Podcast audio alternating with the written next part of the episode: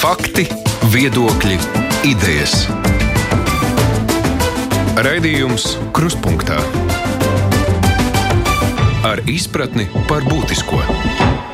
Sveicināti pie Latvijas radio mikrofona Hārnas Krauzes, skan Kruspunkta.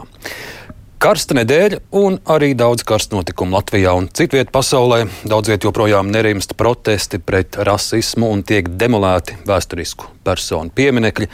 Latvijā esam uzzinājuši nākamā iespējamā ģenerāla prokurora vārdu. Saimā beidzot uzzīmēta jaunā novadu karte. Kopš trešdienas atkal dzīvojam bez pēdējos mēnešos pieredzētajiem Covid ierobežojumiem. Protams, arī vēl daudzi citi notikumi šonadēļ. Kāda šī nedēļa bijusi manu kolēģi žurnālisti skatījumā. To turpmākās stundas garumā uzzināsim. Es saku labdien TV24 žurnālistei Anitai Daugštei. Sveika, Anita! Labdien! Latvijas avīzes žurnālists Māris Antonevičs. Sveiks, Māri! Sveiki! Laikraksts diena komentētājs Romāns Meļņiks. Labdien! Un arī Pauls Rauceps žurnāla ir komentētājs Sveiks, Pauli! Labdien! Kolēģis piedāvāja sākt ar nākamā iespējamā ģenerāla prokurora izvēli. Tātad pirmo reizi šo izvēli ir veikusi Tieslietu padome. Tālāk jau būs uh, saimnes deputāta lemšana. Uh, Juris Stukāns, apgabals tiesas tiesnesis. Uh, kā jūs vispār vērtējat šo, šo precedentu, ka pirmo reizi tiesnesis iespējams kļūs par ģenerālu prokuroru?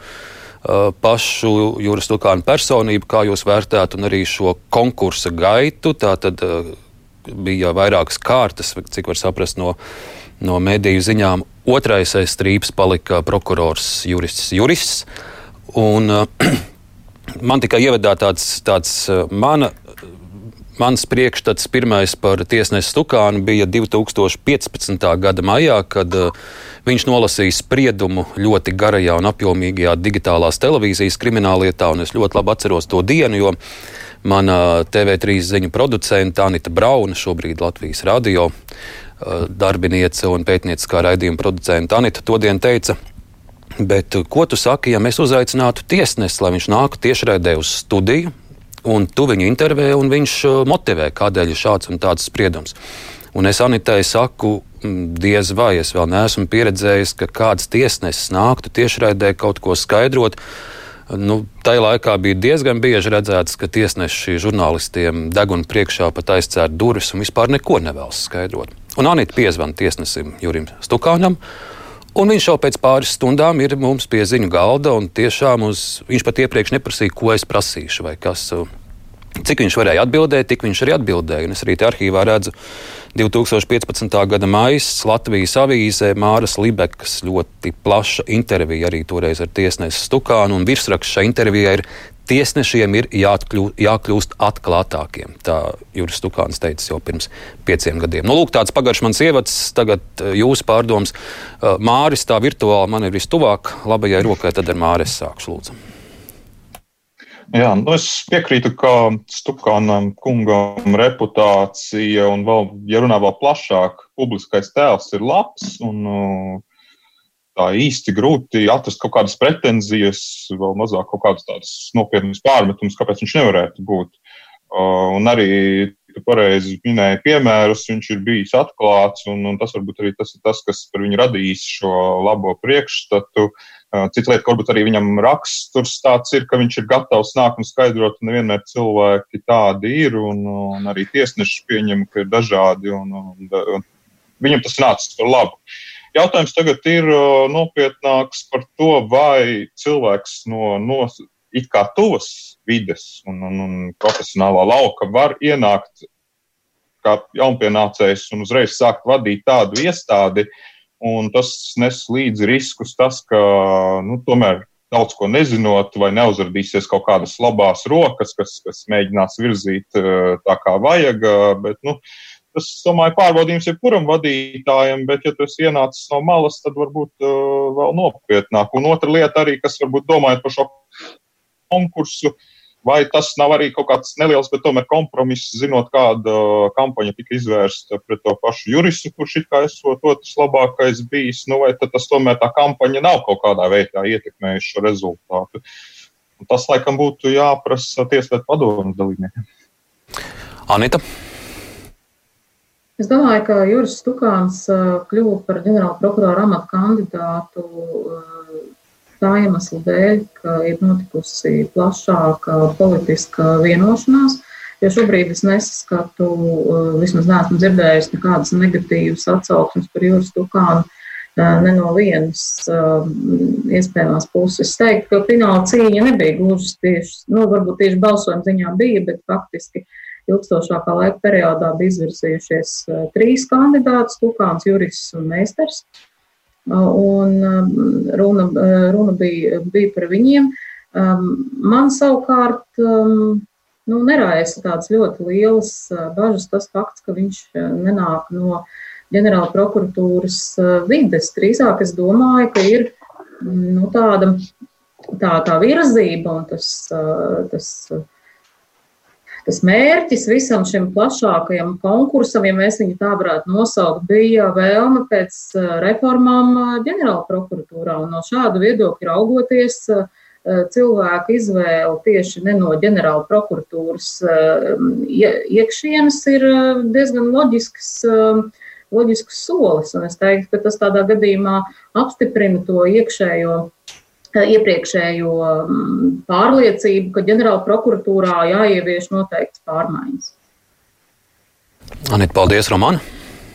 Jā, es arī akcentēju to, ka šoreiz ir diezgan skaidri bija redzams, ka ģenerāla prokuratūrā ir nepieciešams pārmaiņas. To apliecināja arī valsts prezidenta um, izteikumi pirms uh, šī konkursa noslēguma. Līdz ar to bija nojaušams, ka nu, diez vai būs uh, kāds no esošiem prokuroriem. Visdrīzāk, ka tas būs normāls.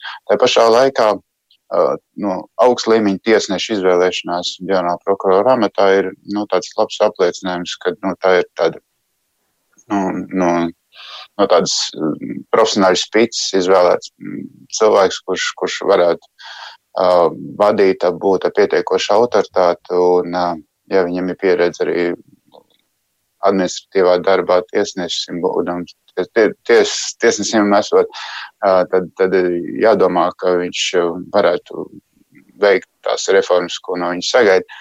Jebkurā gadījumā, nu, piemēram, mēs avīzē parasti intervējam cilvēks kāds trīs mēnešus pēc darbā stāšanās, jo, jo tad var cilvēks redzēt, cik viņš spēja vai nespēja kaut ko mainīt, viņš iepazīst to situāciju, un tā, tā saruna jau ir daudz tāda um, pamatotāka, piezemētāka, jo viena lieta, ko saka konkursā piedaloties un solot, viena lieta pavisam cita, kad viņš ienāk svešā vidē, uh, ko viņš ir redzējis tikai no, no tāda gala rezultāta. Tiesne, tiesnesim arī labi tas, ka viņš ir redzējis prokuratūras darbu no gala rezultātu, vai, vai tie argumenti, ar kuriem nāk prokurori uz tiesu, ir pietiekoši sekti ar, ar pierādījumiem vai nav.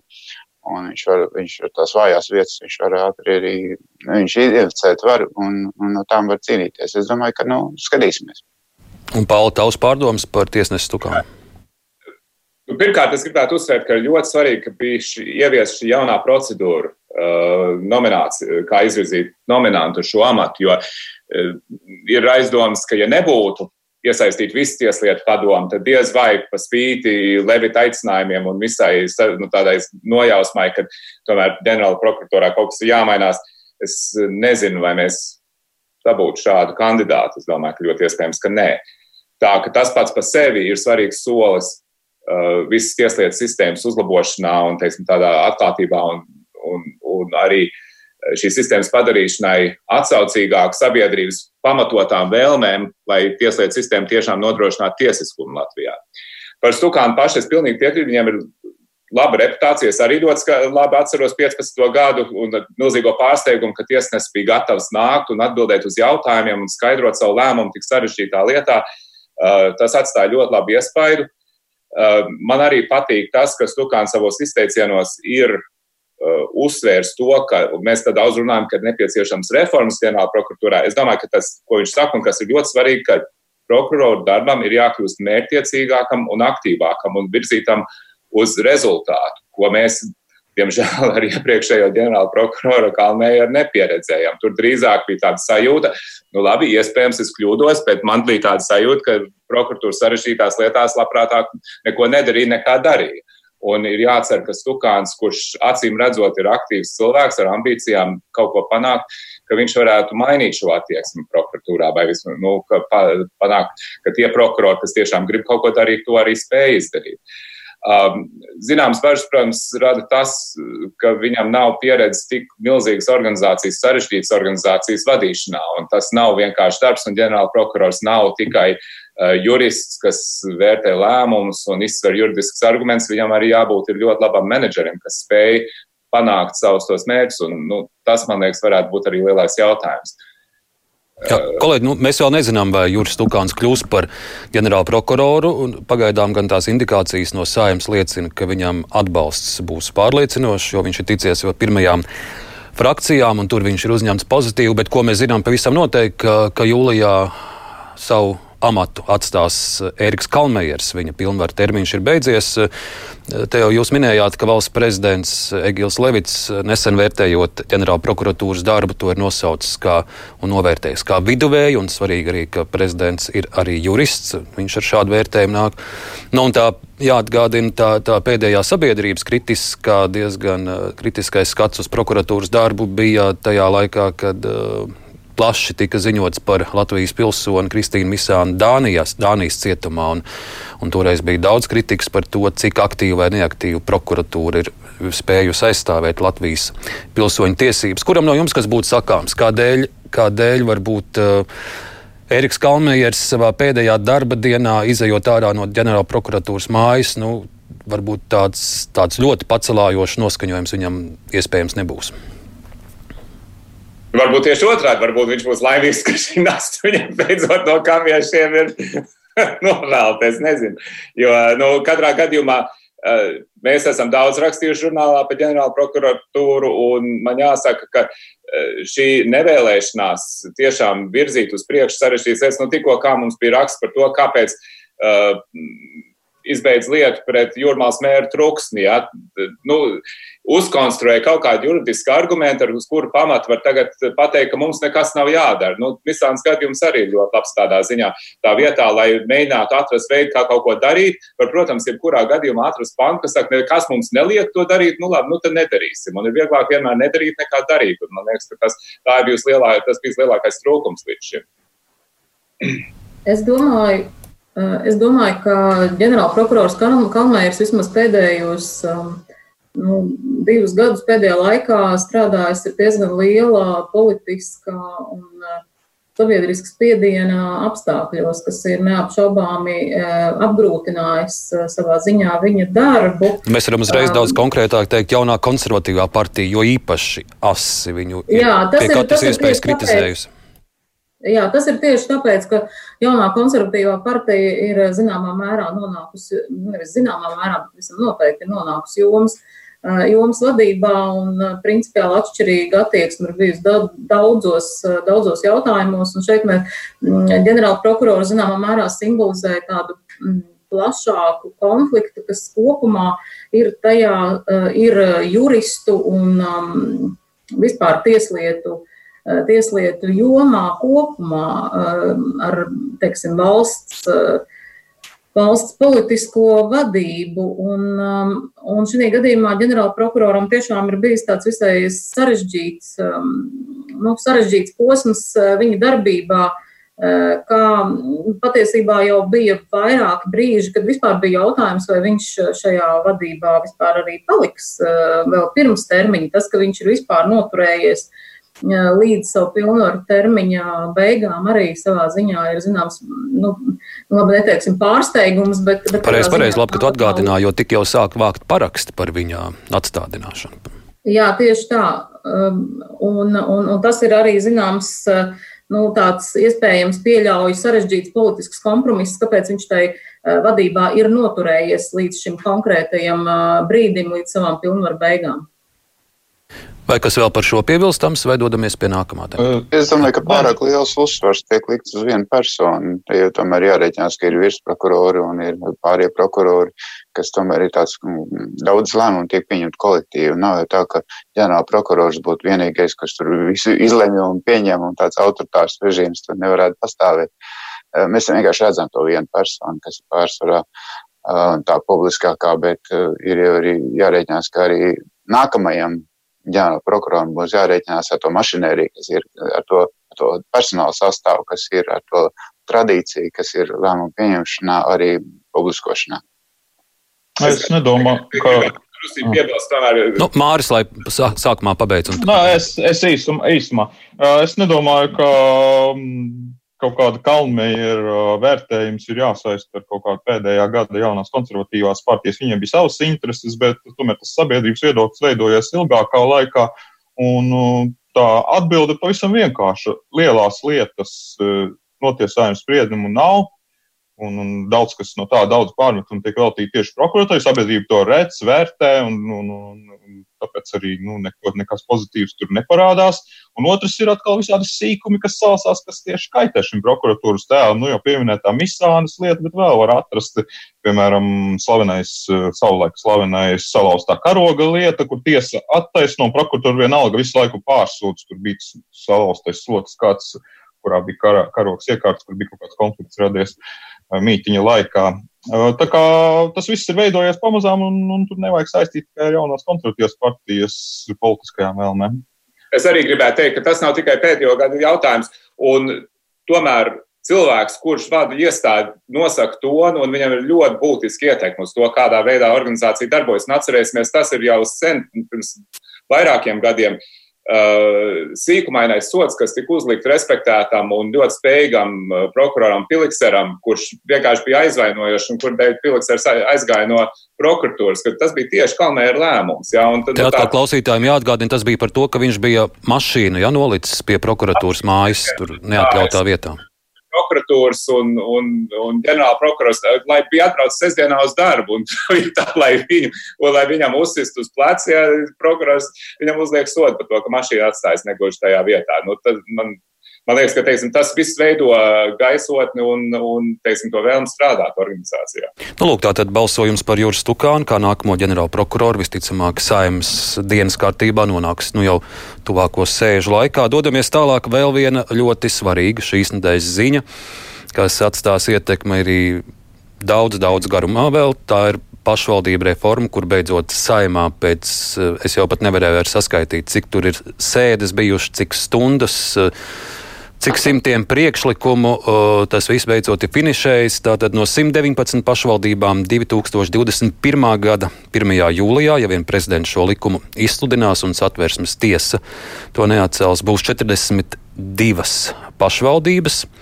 Kad šī reforma sāka savu virzību valdībā, bija iecerta pa 39, nu, dažādi kompromisi diskusiju laikā. Uh, Kolēģi, īsts jūsu spriedums par to, kā, kā šī reforma ir, ir izvirzījusies, un arī šīs nedēļas rūkums uh, no Varakļāna novada iedzīvotājiem. Tur vairums vēlējās būt Madonas novadā, un, un, un, un tas lēmums ir pie Reizeknas pievienot. Protams, arī tādas sāļas sajūtas ir uh, Sēlijas uh, novada pašvaldībām, varam minēt arī Suitu puses ļaudis, kuri arī centās cita veida to, tās robežas redzēt.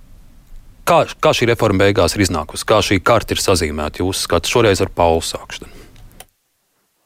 Nu, man liekas, lielā bilde ir ļoti laba, jo tiešām ir sasniegts galvenais mērķis, ka šo sadrumstaloto pārvaldības sistēmu tomēr koncentrēs. Un, domāju, tas nozīmēs gan efektīvāku līdzekļu izmantošanu, gan arī lielākas iespējas piesaistīt investīcijas, un, un, un arī, kas ir ļoti svarīgi, sakārtot izglītības un veselības aprūpas sistēmas, lai tās būtu uh, rīcības spējīgākas un, un efektīvākas. Tā, ka, Nu, tā kā es domāju, ka kopumā vērtējot, šis ir ļoti pozitīvs solis. Es arī, nu, tā, tas tāds joks, bet es priecājos par faktu, ka, ka ir tieši 42, jo tie, kas ir pazīst kultu romānu, uh, teiksim, galaktikas ceļvedes stopotājiem zina, ka 42 ir atbilde uz visiem dzīves jautājumiem. Līdz ar to šis ir, ka mēs esam arī šo reformu veidojuši, nonākuši pie šī maģiskā skaita 42. Nu, mēs nezinām, vai Juris Pūčs šo grāmatu ir lasījis. Būs jāapsprasa. Bet, nu, labi, tas tā, tas tādiem feinšmekeriem, teiksim tā. Bet tas, bet, nu, protams, tajā, tajās konkrēt, konkrētajos risinājumos tur bija bezgalīgi daudz, uh, bieži vien sīkumainas politikas. Un, Un, nu, tas, es domāju, ka jebkurā tādā procesā tas ir neizbēgami. Un paliek arī liela neatbildēta jautājuma. Rīgas attiecības ar pierīgas pašvaldībām vēl aizvien ir ļoti būtisks jautājums, ko, protams, nu, tas nebija arī šīs reformas mērķis, bet tas vēl paliek nākotnē un tas skar ļoti daudz cilvēku. Roman? Man šī visā, jā, es piekrītu, ka reformā bija jābūt. Skaidrs, ka sadrumstalotība ir pārāk liela.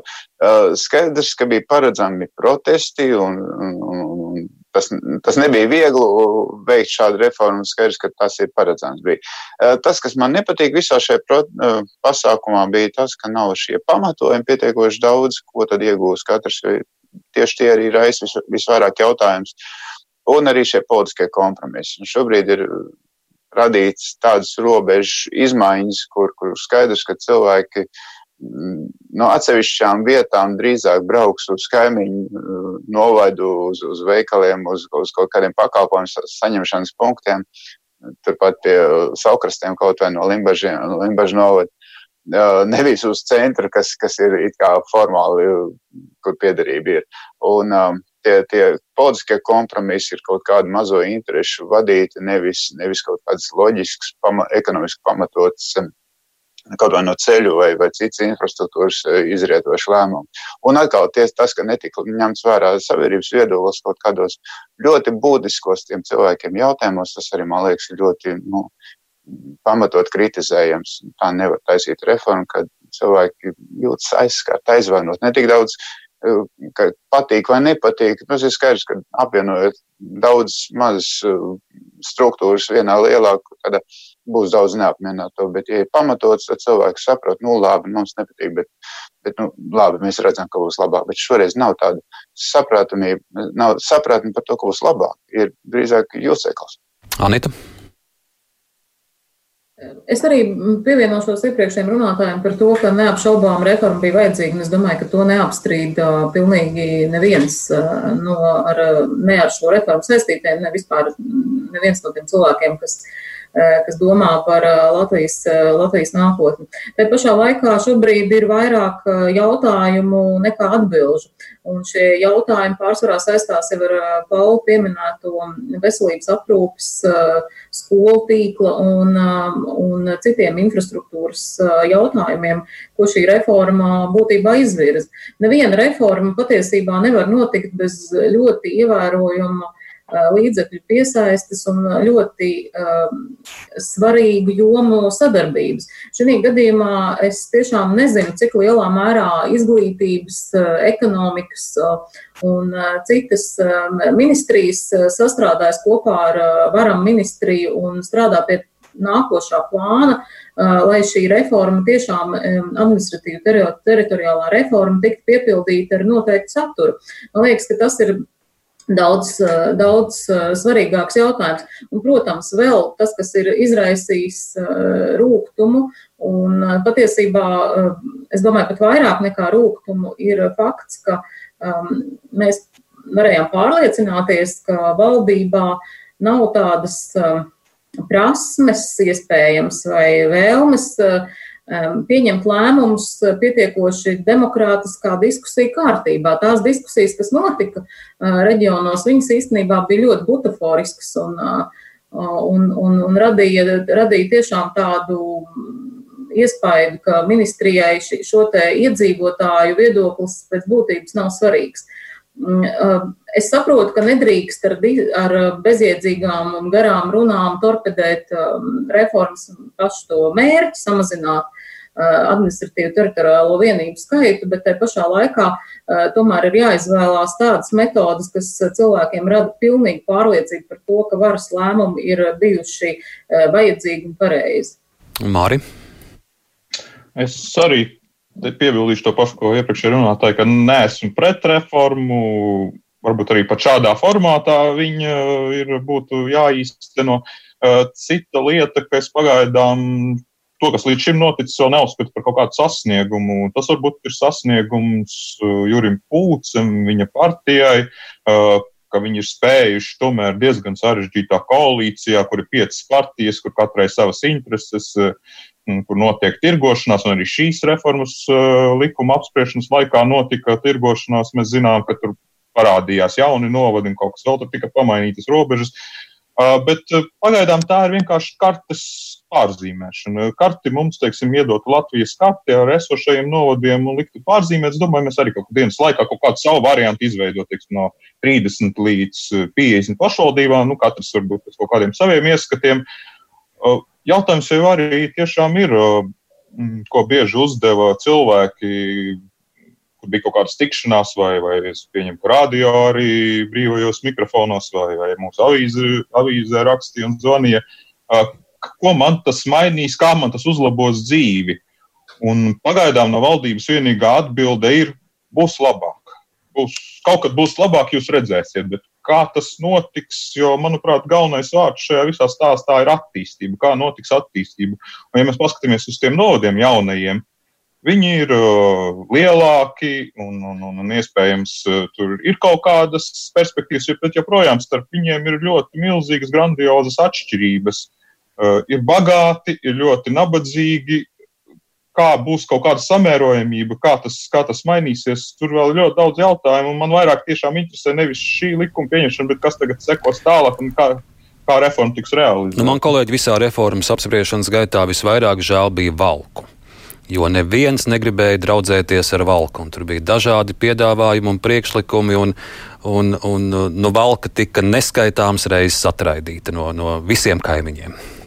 Bet tas tieši norāda to, ka uzklausīja, jo tur jau sākumā pūlis likās diezgan nelokāms jautājumā, ka tomēr Balkai ir jāpievieno rūjiem un augšām, jo citādi nebūs tur dzīvot spējīgs e, novads un beigās tomēr uzklausīja šos cilvēkus. Un viņi tika pie Valmieras, kur viņiem bija labāk. Nu, es, un es vēl gribēju teikt, nu, es par to, ka kas būs labāk Nu, protams, daļa no tiem solījumiem ir tikai uz nākotnē vērsta, jo viņi saka, nu, te būs spēja, teiksim, koncentrētāka, resursu ietilpīgāka pārvalde, kas spēs labāk uh, piesaistīt investīcijas, rakstīt projektus un tā tālāk. Bet, bet man bija iespēja arī vienreiz klausīties, kā Pūts prezentēja savu to uh, koncepciju, un tur bija viens arguments, kas man likās pārliecinošs, kas, pārliecinošs, kas uzreiz mainīsies, un tas ir par sociālo palīdzību, ka šobrīd ir ļoti daudzi uh, mazie novadi, kuriem vienkārši nav ne naudas, ne vispār resursu, lai izsekotu, kuri cilvēki tajā novadā, kuriem ir nepieciešama un kāda veida sociālā palīdzība. Ja savāc kopā šos sociālos dienestus, viņi pēkšņi kļūst spējīgi to arī nodrošināt. Un tas ir, tas ir fiziski jautājums par to, ka ir jābūt vairāk cilvēku vienā organizācijā ar vairāk naudas, un tas tagad būs. Tā kā es, tā, es domāju, ka šis te, ka mēs nezinām, kas būs labāk, nebūs ļoti konkrēts. Nē, redzi, ja, ja būs tā, kā tu saki, un cilvēki to uzreiz izjutīs savā kabatā, es domāju, atbalsts reformai noteikti pieaugs un sabiedrības uzticība, un, un, un, un tad, tad jau viss ir kārtībā. Cita lieta iet ne tikai, ja, ja, ja tas tiešām nenotiks. Bet es vēl gribēju atgādināt, ka patiesībā jau ir tāds interesants jautājums. Nu, savulaik bija 36 rajoni, kas bija no LPSR laikiem palikuši un kādu laiku. Faktiski lielā mērā jau atgriešanās ir notikusi pie šī paša modeļa, likvidējot dažas neloģi, neloģiskas lietas. Piemēram, Smiltene ir atsevišķs novads, jo savulaik viņi bija daudz attīstīties spējīgāka nekā rajona centrs Valka. Līvāni vairs nav pie prēļiem, bet principā tad sanāk, ka reforma, iepriekšējā reforma savā ziņā ir atcelta. Nu, raudzīsim, ko lems prezidents vai šo likumu izsludinās. Viņam tas ir jāizlem līdz 20. jūnijam, un arī droši vien būs jau diezgan daudz uh, satversmes tiesā sūdzību, kā tas tur virzīsies. To arī vērosim. Klausītāji šīs nedēļas notikums apspriež man kolēģi žurnālisti Anita Daugšta, Māris Antonevičs, Romāns Meņņiks un Pauls Rauceps. Jau pēc pavisam īsa brīža mēs turpināsim. Raidījums Krustpunktā. Vērtējuma nedēļas norises, un šonadēļ ir noslēgusies ārkārtas situācija. Dzīve lēnām, lēnām atgriežas ierastajās sliedēs. Nu, kolēģi, man interesētu no vienas puses jūs tāds personisks varbūt stāsts, ko jūs šonadēļ esat izdarījuši beidzot tādu, ko, ko trīs mēnešu garumā jūs nedarījāt. Nu, es vakar pirmo reizi biju vienā, vienā ēstuvē, kur tiešām sen, sen nebija bijis kaut kur publiski, un es vakar pēc trīs mēnešu pārtraukuma aizgāju uz sporta klubu uz nodarbību, un šodien knapi vispār var paiet. Kā, kā jums dzīve ir atgriezusies? Ierastajā ritmā, un otrs stāsts, vai, vai mēs palēnu vai pa strauju uh, atgriežamies uh, tajā normālībā. Nu, uh, vakardien Lietuvā 19 jaunu gadījumu. Šodien, piemēram, brīvā mikrofonā mums zvanīja kundze un teica, kādēļ Brīvdabas muzejā šogad netiek rīkot ikgadējais gada tirgus, ka, ka tas nav pareizi. Nu, kā jūs redzat tos veidus, kā mums būtu jāatgriežas pirms krīzes dzīvē? Es sākušu Ranīt, varbūt. Nu, dzīvē ļoti būtiski. Es nevaru teikt, ka neesmu, diemžēl, aizgājis uz savu sporta klubu. Eh, arī uz, arī uz basēnu. Nē, tas, ko es esmu ievērojusi, ievērojusi ielā, uz ielām vienkārši braucot ar mašīnu, piemēram, vakar, ja iepriekš bija daudz eh, mazāk eh, mašīnu, bija daudz mazāk cilvēku, tad šobrīd to ir nesalīdzinām vairāk, veidojas korķu uz ielām. Savukārt tie cilvēki, kas staigā pa ielām pārsvarā, ir bez maskām. Arī veikalos distances ievērošana ir, protams, tāds ļoti nu, nosacīts, eh, nosacīts lielums. Eh, pārsvarā cilvēki kaut kā ir mm, šķiet piemirsuši, piemirsuši šo faktu, neskatoties uz atgādinājumiem, kas nepārtraukti tiek, tiek izteikti. Nu, grūti, man ir grūti pateikt, cik lielā mērā nu, Latvijā nav tādu, nav tādu, es teiktu, um,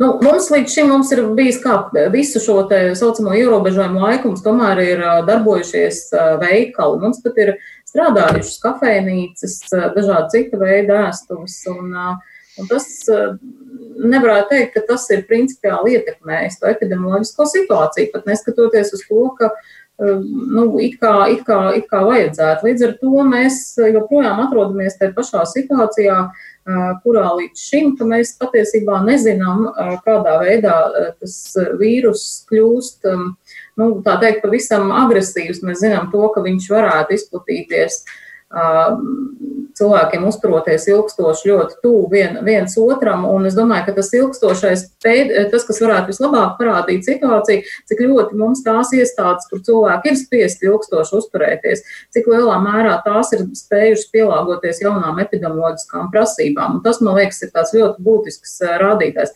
Tad pašā laikā visi šie nosacījumi, šie atbrīvojumi, piemēram, dažādi lielākiem kultūras pasākumiem, viņi jau pēc būtības ir salīdzinoši, manuprāt, manuprāt, diezgan butaforiski, jo uh, nav iespējams iedomāties eh, šīs te telpas, kurās tad reāli varētu notikt kaut kas, ko mēs kaut attālu varam iedomāties, kā, es nezinu, teātra izrādi vai, vai, vai kaut ko tam līdzīgu. Nu, vienīgi brīvdabā var tagad līdz 300 cilvēkiem. Nu, brīv, brīvdabā, jā, bet, bet, es, bet es nedomāju, ka tas, eh, ka tas būtu tas, ko, teiksim, mākslas un kultūras cilvēki būtu gribējuši, un turklāt ņemsim vērā, Latvija nav um, nu, teiksim, tā mūsu meteoroloģiskie apstākļi patiesībā ļoti daudz brīvos pasākums padara vienkārši neiespējams.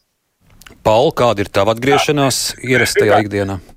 Jā, pirmkārt, es gribētu teikt, ka nekas īstenībā nav beidzies. Jā, ārkārtējā situācija ir beigusies, bet vēl aizvien ir ierobežojumi un vēl aizvien tiek ieteikts, un es domāju, ka tas ir ļoti svarīgi cilvēkiem pēc maksimāli ievērot šo divu metru distanci un censties eh, izvairīties no situācijām, kas ir riskants. Un es tā vietā, lai pateiktu, ko es esmu varējis izdarīt, es pateikšu to, ko es turpmāk arī nedarīšu līdz brīdim, kad būs vakcīna un būs skaidrs, ka, ka vīrus ir uzveikts. Es centīšos maksimāli izvairīties no uzturēšanās mazās slēgtās telpās, es liktu ventilāciju, jo tas ir tā ir bīstama situācija, un es neiešu uz vietām, kur ir liela cilvēku pūļi. Es vispār brīnos par valdības lēmumu, ka viņi jau tagad var solīt kaut kad vasaras beigās, ka būs iespējams rīkot pasākums ar tūkstots apmeklētājiem. Es nevaru iedomāties, kā tādos apstākļos ir iespējams saglabāt šo divu metru distanci. Pēc minētā, minētie gadījumi Lietuvā ir tieši rezultāts tam, ka Lietuvā izsludināja svētkus, ka mēs tagad esam brīvi un cilvēks sanāca kopā un, protams, viens otru aplaida ar to vīrusu. Ja. Tā ka man liekas, ka, teiksim, ka cilvēkiem ir jāsaprot, jā, teorētiski ir šīs iespējas, bet praktisks vīrus vēl pastāv. Viņš vēl ir mūsu vidū. Un šie gadījumi, un tieši tie, tie, tie, šie ir tie riskantākie gadījumi uzturēšanās mazās slēgtās telpās, liela cilvēku grupas, kas sanāk kopā. Ja mēs visi ir redzējuši tās baismīgās bildes no Bergamo ar visiem mirušajiem, tas ir lielā mērā pateicoties tam, ka cilvēki aizgāja kopā uz puteņu spēli, jā, un tur bļāva, bļāva un apkampās un, un līksmoja. Tā kā es, es vispār es saku nevis to, ko mēs varam, bet es turpināšu uzsvērt to, ko mums nevajadzētu darīt. Jo, ja mēs negribam nonākt līdzīgā situācijā, kā, teiksim, tagad mēs viens sitam sev uz pleca, bet lai mēs nebūtu tādā situācijā, kāds bija dažās citās valstīs rudenī, tad mums ir jāturpina būt piesardzīgiem. Paldies, bet nu, es, Pauli, tad uzreiz ar tevi turpinot, uh, skatos arī e-pastā, ko mums daži ļaudis rakstīja brīvā mikrofona laikā. Uh, ir, ir cilvēki, kas vaicā, jā, bet nu, kur tad tas vīrus ir? Skatieties, Amerikā milzīgie protesti, Eiropā milzīgie protesti. Video mēs redzam, ka tur taču puse maskas nenāsā, vai tad tur visi tagad ir apslimuši? Nu, arī tādus jautājumus cilvēku uzdod. Ļoti, jā, nu, ir vienkārši mēs, tas, ko mēs, tas saslimušo skaits, ko mēs šobrīd redzam, ir tas, kas ir, kas ir cilvēki, kas ir saslimuši pirms divām nedēļām. Tā ka mēs redzēsim, kas notiks Amerikā pēc nedēļas, divām.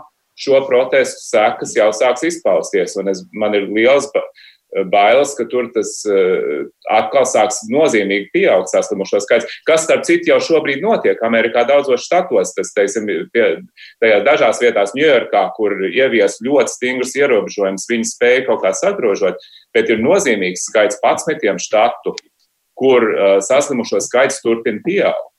Jā, tā ka nav tā, ka tur viss ir beidzies. Vienkārši cilvēkiem ir apnicis cīnīties, un es domāju, ka šī, uh, tas, uh, tā, nu, saņemšanā, tā, negat, tā nespēja noturēties ir patiesībā sakot ārkārtīgi bīstama, un Amerika par to smagi maksās, es domāju. Māri?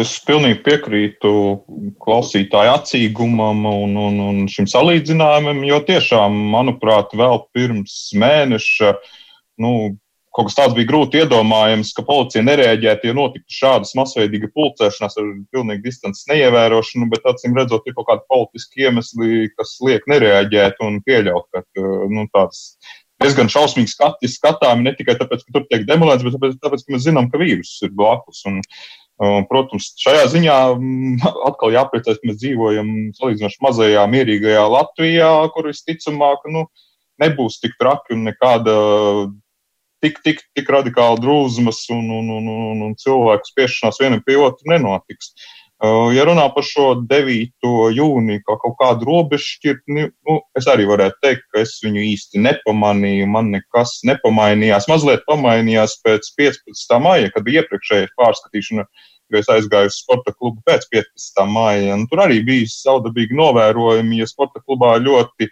stingra kārtība, tur nevar atrasties vairāk par 20 cilvēkiem vienlaikus, tur ir visur ierobežu, norobežojumi, ir skrejceļi norobežot tā, lai divi metri nekur nebūtu, tur viss tā tālāk, visas dezinfekcijas līdzekļus katra stūra. Tad, piemēram, izējot blakus turpat un paskatoties, kas notiek blakus lielveikalā, Nu, tur pavisam cita aina, kur atkal nekāda tāda īpaša pasākuma nav. Nu, līdz ar to sāk parādīties kaut kādas īpatnīgas lietas, jo dažiem uzņēmējiem tiek uzliktas ļoti stingras normas, un atkal citiem nu, tā īpaši neviens neko neuzspiež. Citur maskas sabiedriskajā transportā ir obligātas, citur ir, kur ir diezgan ir šauras telpas, tās nav obligātas. Nu, tur, tur tie jautājumi visi jau sāk parādīties, arī žurnāls par to ir pētījuši. Un, un, un, un, un kaut ko uzdevuši šos jautājumus. Un, tas, es nezinu, kā tur, kā tur tālāk būs, bet, nu jā, ir jāiet vai nu vienā vai nu otrā virzienā, vai nu visam jāpaliek tad uh, vaļīgākam, vai nu atkal tomēr mazliet ir jāpataisa stingrāk. Nu, redzēs, kā tas notiks. Nu, redzēs, es tādu skatos uz romānu. Romāns, cik tu biji nopietns pirms 9. jūnija, tik tu esi nopietns tagad. Tev kaut kas ir mainījies tavā ikdienā. Jā, man tracina tas, tas robežas šķietnes, man tracina, ka cilvēki sajūta, ka nu, pēc 9. jūnija tas vīrus mūs vairs neskars. It kā tas vīrus baigi respektētu tāds mūsu cilvēku pieņemtos kalendārus vai lēmumus vai datumus. Pārāk pārāk izteikti bija redzams, ka cilvēki jūt, nu tad, nu tad brīvlaišana tā ir, un tad, tad nu skriesim un metīsimies viens otru apkampienos. Jā, lielveikalos vēl pie, pie kasēm vēl ir rindas, vēl ir tie divi metri atzīmes, un tās ievēro, bet tas ir vienīgais, ko ievēro pārsvarā, jo tomēr visur ir redzams, ka cilvēki jau, jau ir ļoti, ļoti tuvu viens otram. Un es jau pagājušajā reizē teicu, ka ļoti redzams arī tā atšķirības starp nu, latviskā informatīvā telpā dzīvojušiem un krieviskā informatīvā telpā. Ja, ja mums latviešu informatīvā telpā ir ļoti daudz brīdinājumu, aicinājumu cilvēku, varbūt arī disciplinētāk, tad tas, ko redzam no Krievijas televīzijas, nu, tur, tad, ja pat, pat pie Krievijas milzīgiem inficēšanās, jaunu inficēšanās apjomiem tiek atlaisti ierobežojumi un, un jau taisās tāds liels pasākums organizēt, tad tiek radīts iespējas, ka nu, viss bija garām. Bet tas ir tas bīstamākais tajā brīdī, kad cilvēki atkal sajūtas, ka visi garām un sāk pulcēties pār lieku vaļīgi, tad ir tas risks, kas Lietuvā piedzīvots un daudz viet citur. Nu, arī Pauls pieminēja Amerikas protestus arī par tiem, kā, kā jūs redzat to, to gaitu, kā tie turpinās. Šonadēļ mēs esam pieredzējuši vairāku pieminekļu demolēšanas un apgānīšanas un, un aprakstīšanas. Čerčils uh, Londonā arī ir cietis. Uh, šo virzību, un otrs, eh, nu, labi, ka tas vēl šobrīd ir tādā ironiskā veidā, bet, eh, bet Dažlaps arī tā tīri nopietni eh, pārmet dažiem uzņēmumiem par viņu reklāmu, ka tā varbūt šajos laikos būtu jāpārdomā. Tepat izskanēja, ka, piemēram, Rujena vai Rujenas saldējums drīkst būt ar nosaukumu Melnītis. Vakar Twitterī daži ironizēja, kas te tagad notiks ar Rīgas melno balzām vai, piemēram, uz ceļiem melnie punkti, ko ar tiem tagad darīt. Nu, tas viss tā ir ar ironiju, bet, bet šī pieminiekta lieta un, un, un apgāšana tā gan ir diezgan nopietna.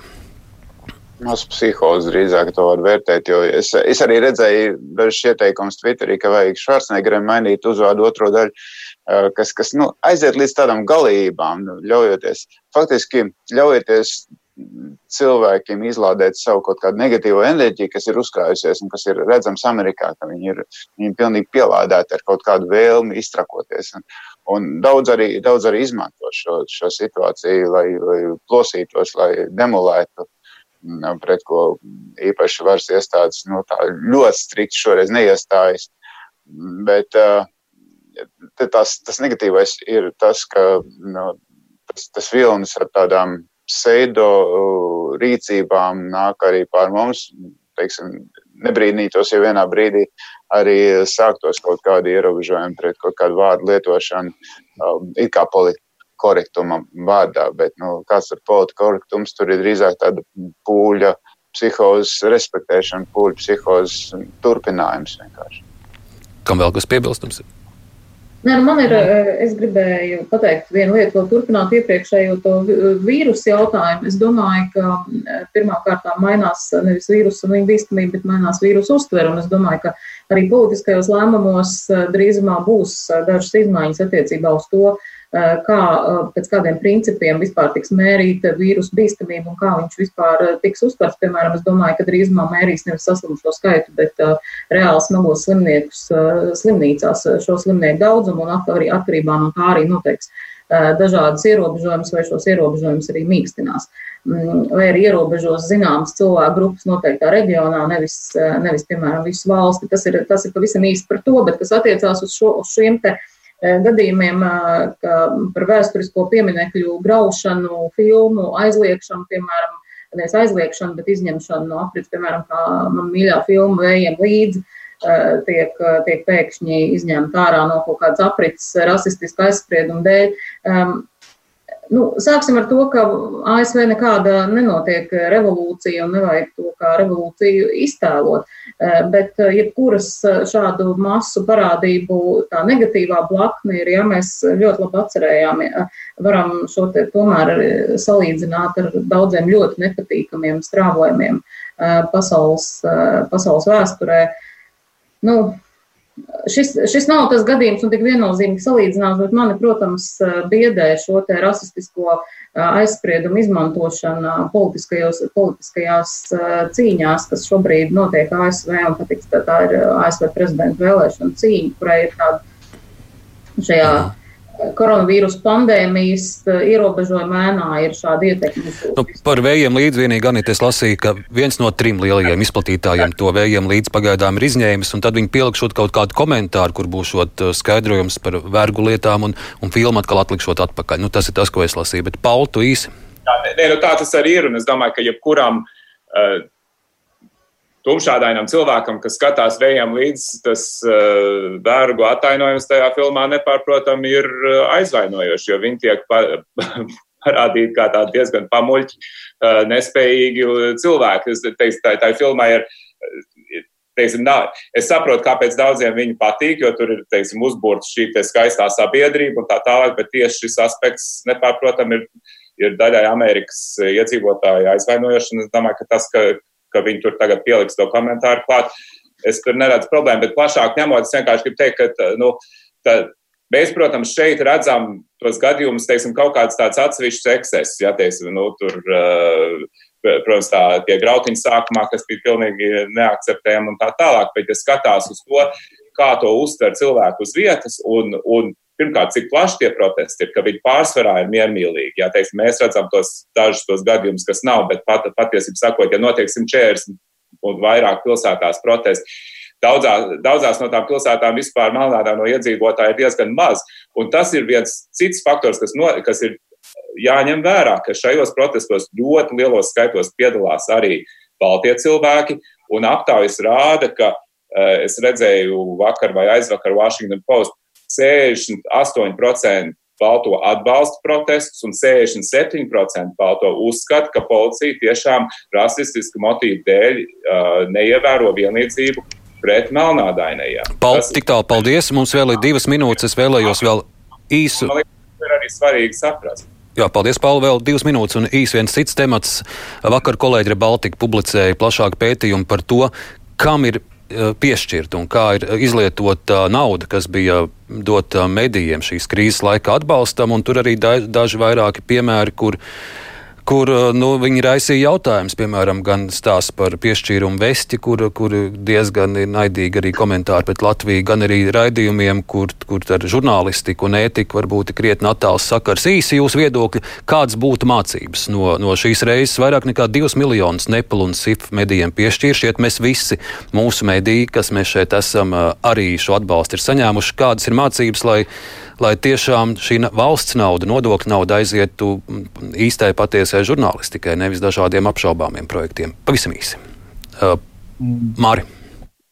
Nē, nu kādas mācības, mācības skaidrs, izvirzīt uh, nopietnākus kritērijus, uh, stingrākus un veikt kaut kādu tomēr uh, nu, izpēti nu, par vests. Es domāju, tur nebūtu problēmu pārliecināt, ko šis mēdījis nodarbojas. Un, uh, teiksim, tā, mēs visu laiku vaimanājam, ka redz, Krievijai ir daudz naudas un Krievija var savus mēdījus apmaksāt. Nu, savā ziņā tagad mēs daļēji sponsorējam uh, to Krievijas narratīvu izplatību Latvijā arī caur vietēju. 20 sekundes romānam.